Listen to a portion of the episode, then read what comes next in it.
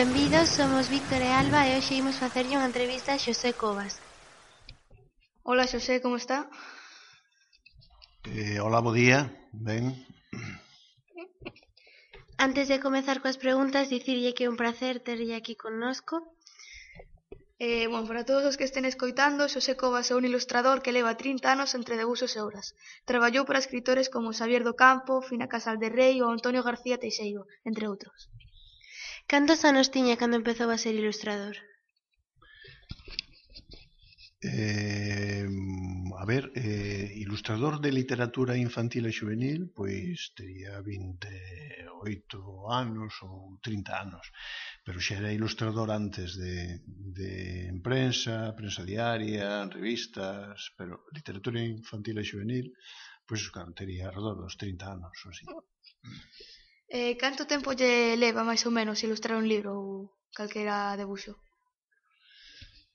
A ver, iso depende moito da depende moito do que haxa que ilustrar. Non se pode establecer unha, un denominador común para aplicar a todas as ilustracións. Por exemplo, eh, houve unha ilustración que comentei abaixo que é precisamente sobre un libro de sobre unha obra, un poema de Miguel Hernández, que era solamente unha ilustración de un libro coral, de un libro que, no que traballábamos varios ilustradores, e a min levoume como 15 días buscar o que era o motivo, a metáfora, para eu eh, logo aplicala. Eh, sin embargo, hai outros libros que levan 10 ilustracións e, bueno, podo facelas nun mes. E hai outros libros, como por exemplo o de Mussorgsky, de Cuadros de unha exposición, que me levou casi un ano. É dicir, non podemos establecer un denominador común para todas, sabes? Cada, cada libro, cada texto, cada autor, pois ten as súas particularidades e as súas dificultades. Cando era neno, que quería ser de maior? Sempre soubo que ia ser ilustrador? Non, non tiña nin idea de que eu iba a ser ilustrador. Eu de neno quería ser canteiro. Sabedes por qué? Porque a min gustame moito, gustábame e sígueme a gustar a chuvia. Os días de chuvia encántame. Non me gusta moito mollarme, pero ir co paraugas e, e, e ver a chuvia desde, de, desde o meu estudio, desde o interior. Entón, gustábame ser canteiro, porque os canteiros traballaban fora. Traballaban a chuvia. Cal foi o premio máis especial para vostede? Hai algún especial que lle fixera ilusión ganalo? Como ten 16 premios?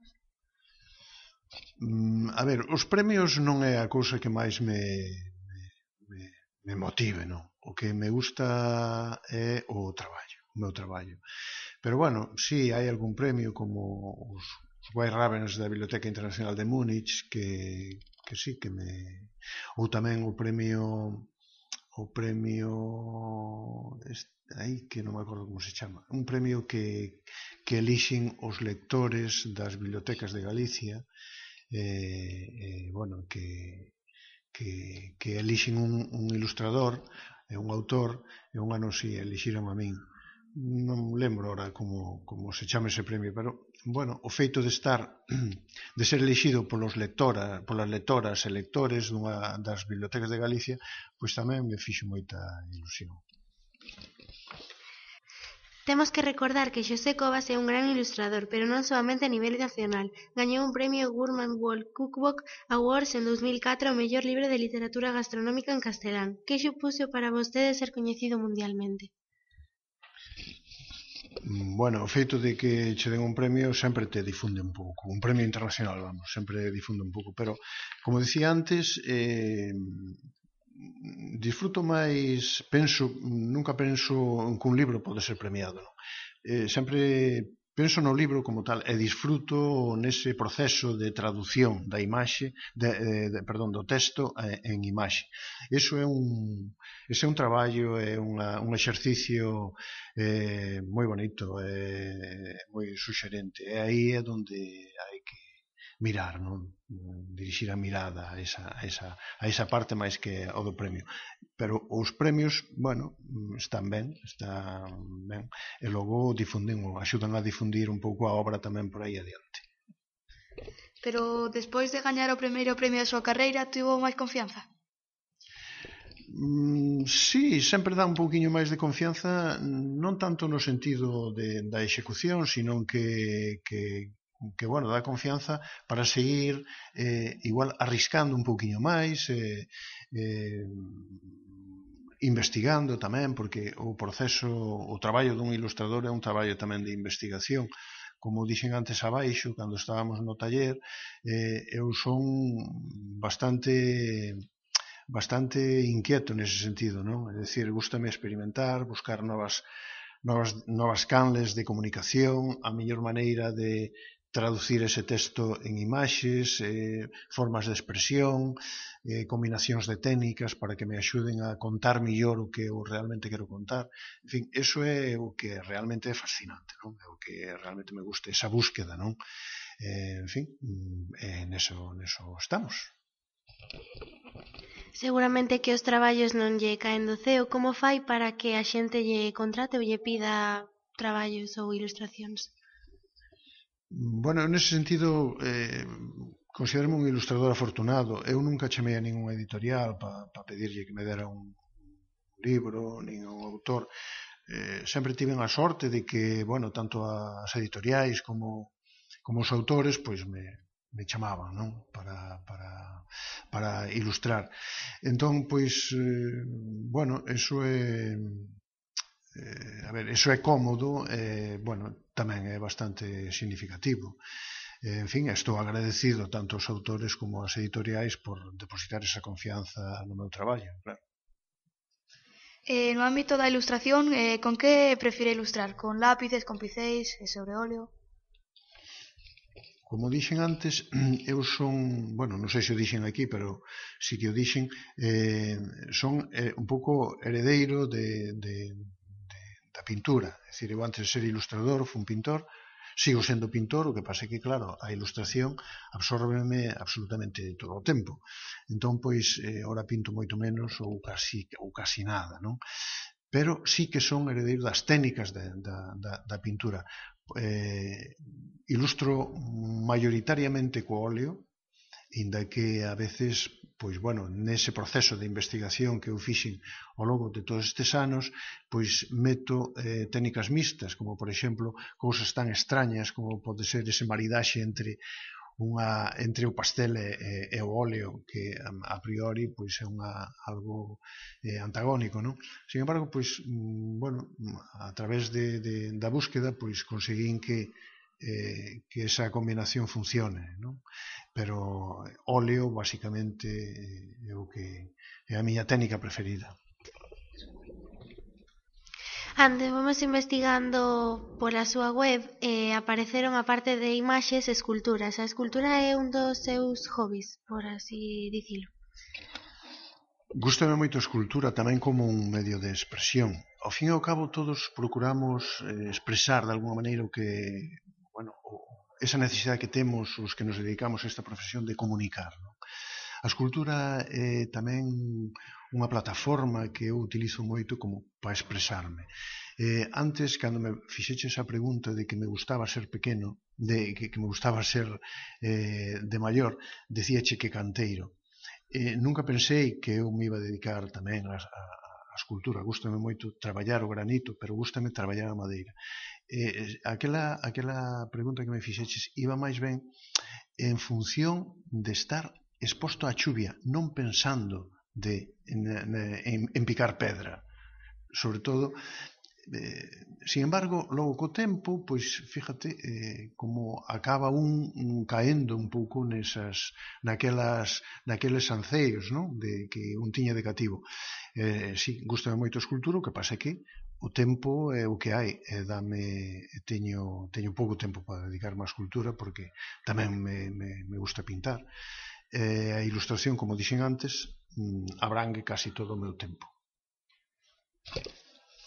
eh, volvendo aos seus lugares de orixe, entrades Negreira, que significa ese povo para vostede? Eh, Negreira, concretamente Logrosa, que é unha aldeiña que está a un quilómetro escaso de, do, do núcleo de Negreira, foi, eh, digamos, onde se forneceu o meu imaginario. É dicir, a miña infancia, transcorreu aí, nese, nese, nese ámbito, nese, nese ruralismo dos anos eh, eh, 50, porque eu nací no ano 53, cando Negreira era fundamentalmente rural. Entón, aí aprendín, foi unha escola, unha escola tremenda, desde o punto de vista natural, non? pois aprendín a amar as, as estacións, a, a vivilas intensamente, a primavera, o verán, o outono, eh, o outono encantábame sempre, sobre todo polos, polos, polos matices de color que, que había nas carballeiras e, e nos refreixos do río. Eu nacín a, a beira do Tambre, o Tambre ali ten unha dimensión importante, Entón todo ese ámbito, toda esa, esa, paisaxe, esa paisaxística que, que, que vivín de cativo, pois permanece ancorada aí no meu imaginario e a, esa, a ela recurro con moitísima frecuencia. Eu teño dúas fontes eh, nas que bebo constantemente. Unha é precisamente a, a, os recordos da miña, as lembranzas da miña infancia e outra é a historia da, da arte. Nun vídeo seu fala da noite e das cousas que facía cando era neno nese momento do día. A noite recórdalle a cando era un neno pequeno. Bueno, eu teño unha, unha, unha querencia, unha fascinación especial pola noite. Gústame moito a noite, gusta a noite para traballar, eh, a, a soedade da noite, o silencio da noite. Eh, de cativo, mm, a noite era a noite para os contos que escoitaba na, na, na casa, non? Eh, nas noites estas longas de inverno, eh, escoitar as conversas dos maiores, eh, todo iso pois creaba un pouco o que dicía antes, a, a fornecer ese imaginario que un vai tecendo a medida que vai que vai medrando, non?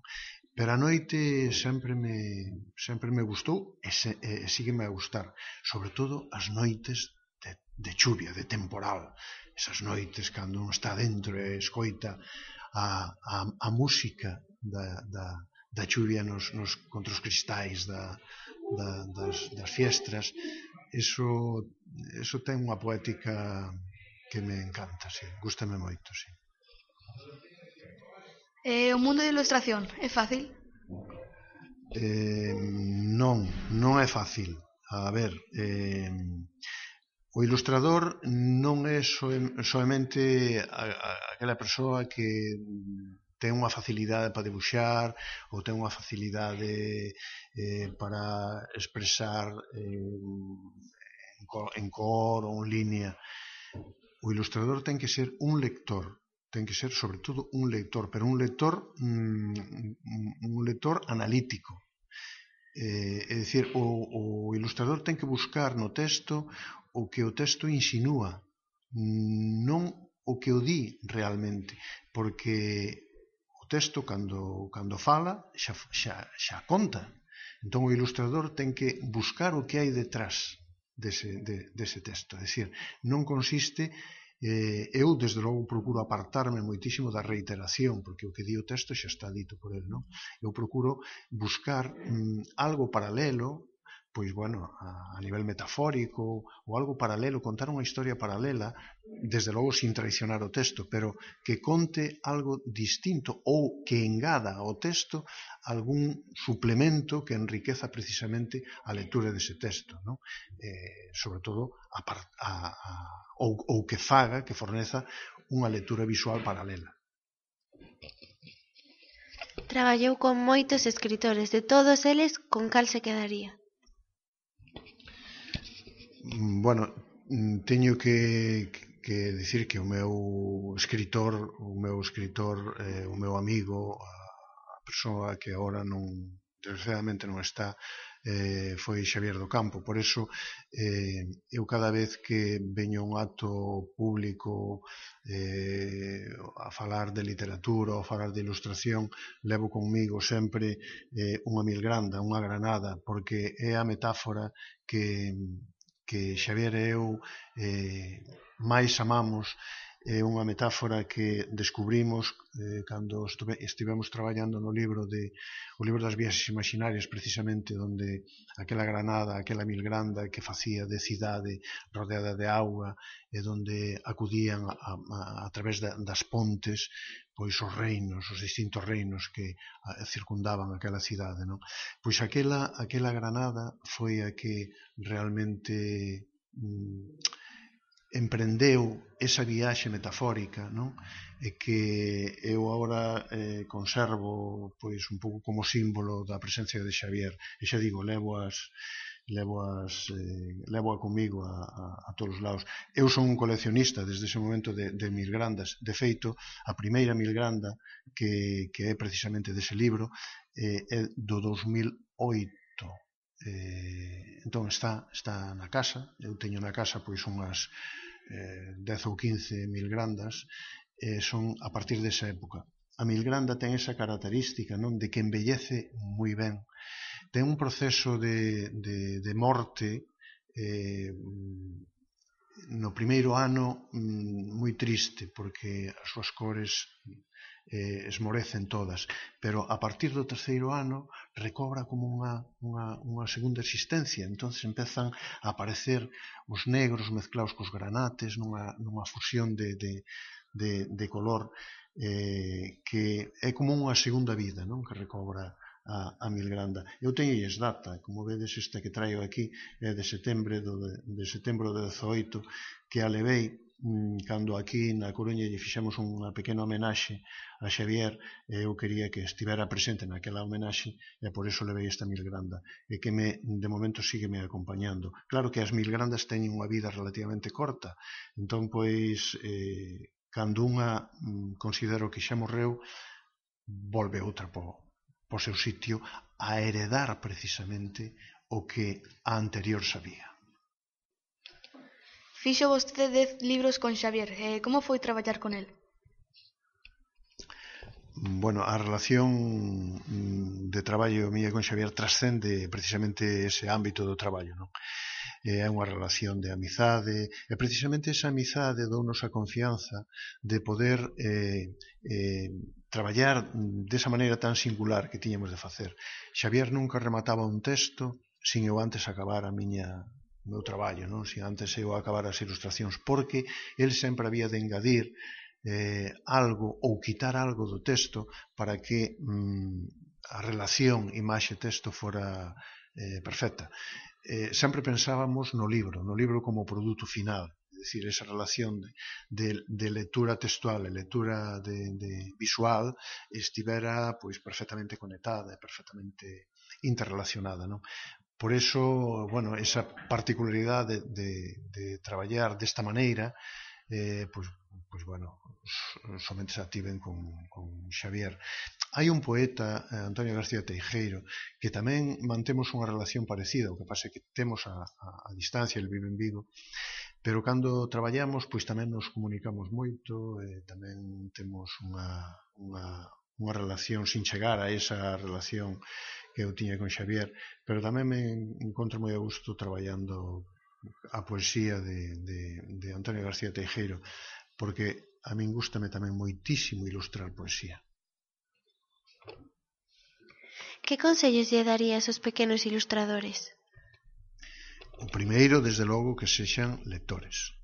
É dicir, un, como dixen antes, creo que o, o falamos desto xa, un lector, mm, un ilustrador, perdón, non pode ser se antes non é lector. E logo aprender a ler, a, eh, na lectura aprender a, a buscar ten que aprender a buscar, a, a buscar esas partes que están como semiocultas dentro do texto e crear unha narración que, que vaya, pois mm, pues bueno, ao lado, no acarón do, do, do texto, paralelo ao texto, sin traicionalo, como dixen antes, en ningún momento. Claro. E agora a última pregunta. Cando vai publicar o último libro que estaba a facer con Xavier do Campo? Bueno, eh, cando a, primeiro teño que rematalo. Eh, eso foi unha herdanza que me deixou aí Xavier. Eh, foi un texto que está, vou decir o título do libro, eh, eh, O pintor cego, é un libro un álbum, un álbum complexo, complicado, que estou traballando nel pois bueno, desde a orfandade. E digo desde a orfandade porque ao non estar Xavier eh, esa relación de comunicación que tiñemos para para solventar atrancos que poden que se poden producir eh, logo para facer modificacións no texto ou facer tirar a imaxe por, por, un, por un lado ou por outro. Eso teño que facer un pouco na, na soledade do, do, do meu estudio. E a verdade é que me está costando, non? Eh, estáme costando, primeiro, xa digo, pola, pola complicación eh, da propia historia e segundo porque pois con Xavier non estou eu acostumbrado a traballar desta maneira tan en soedade, non? Eh, entón, pois, eh, bueno, non sei cando cando vai sair publicado. Sei que desde logo este ano vou no rematar.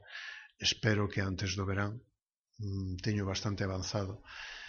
Pero, pero bueno, faltan cousas e faltan matices e faltan e falta sobre todo esa esa proximidade do, do escritor.